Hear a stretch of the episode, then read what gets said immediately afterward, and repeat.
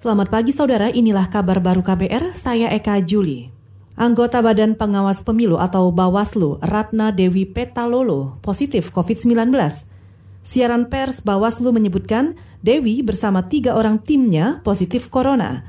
Saat ini dia menjalani proses perawatan dan isolasi di Rumah Sakit Undata, Palu, Sulawesi Tengah.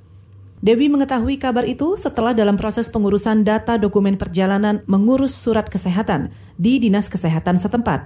Pengurusan surat kesehatan itu guna kelengkapan administrasi menyesuaikan protokol pencegahan COVID-19 yang ditetapkan pemerintah. Hasil swab tes itu menunjukkan Dewi positif. Mengutip dari Antara, Ketua Bawaslu Sulawesi Tengah, Ruslan Hussein menjelaskan, Dewi beberapa hari lalu berada di Palu dalam rangka memimpin Rapat Koordinasi Nasional atau Rakornas Penindakan Pelanggaran. Rapat daring dilakukan dari kantor Bawaslu Kota Palu. Saudara, mayoritas warga ingin pembatasan sosial berskala besar atau PSBB dilanjutkan. Survei Lembaga Indikator Politik Indonesia menunjukkan sebanyak 50,6 persen responden menilai PSBB sebaiknya dilanjutkan. Direktur Eksekutif Indikator Politik Indonesia Burhanuddin Muhtadi mengatakan, responden yang ingin PSBB dihentikan sebanyak 43,1 persen. Alasannya agar ekonomi cepat pulih.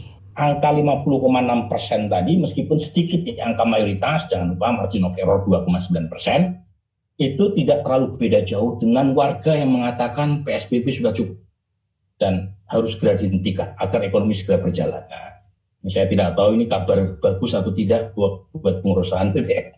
Tapi kira-kira itu ya apa namanya uh, imbang. Direktur Eksekutif Indikator Politik Indonesia Burhanuddin Muhtadi menambahkan, survei ini dilakukan pada pertengahan Mei lalu dengan responden 1.200 orang.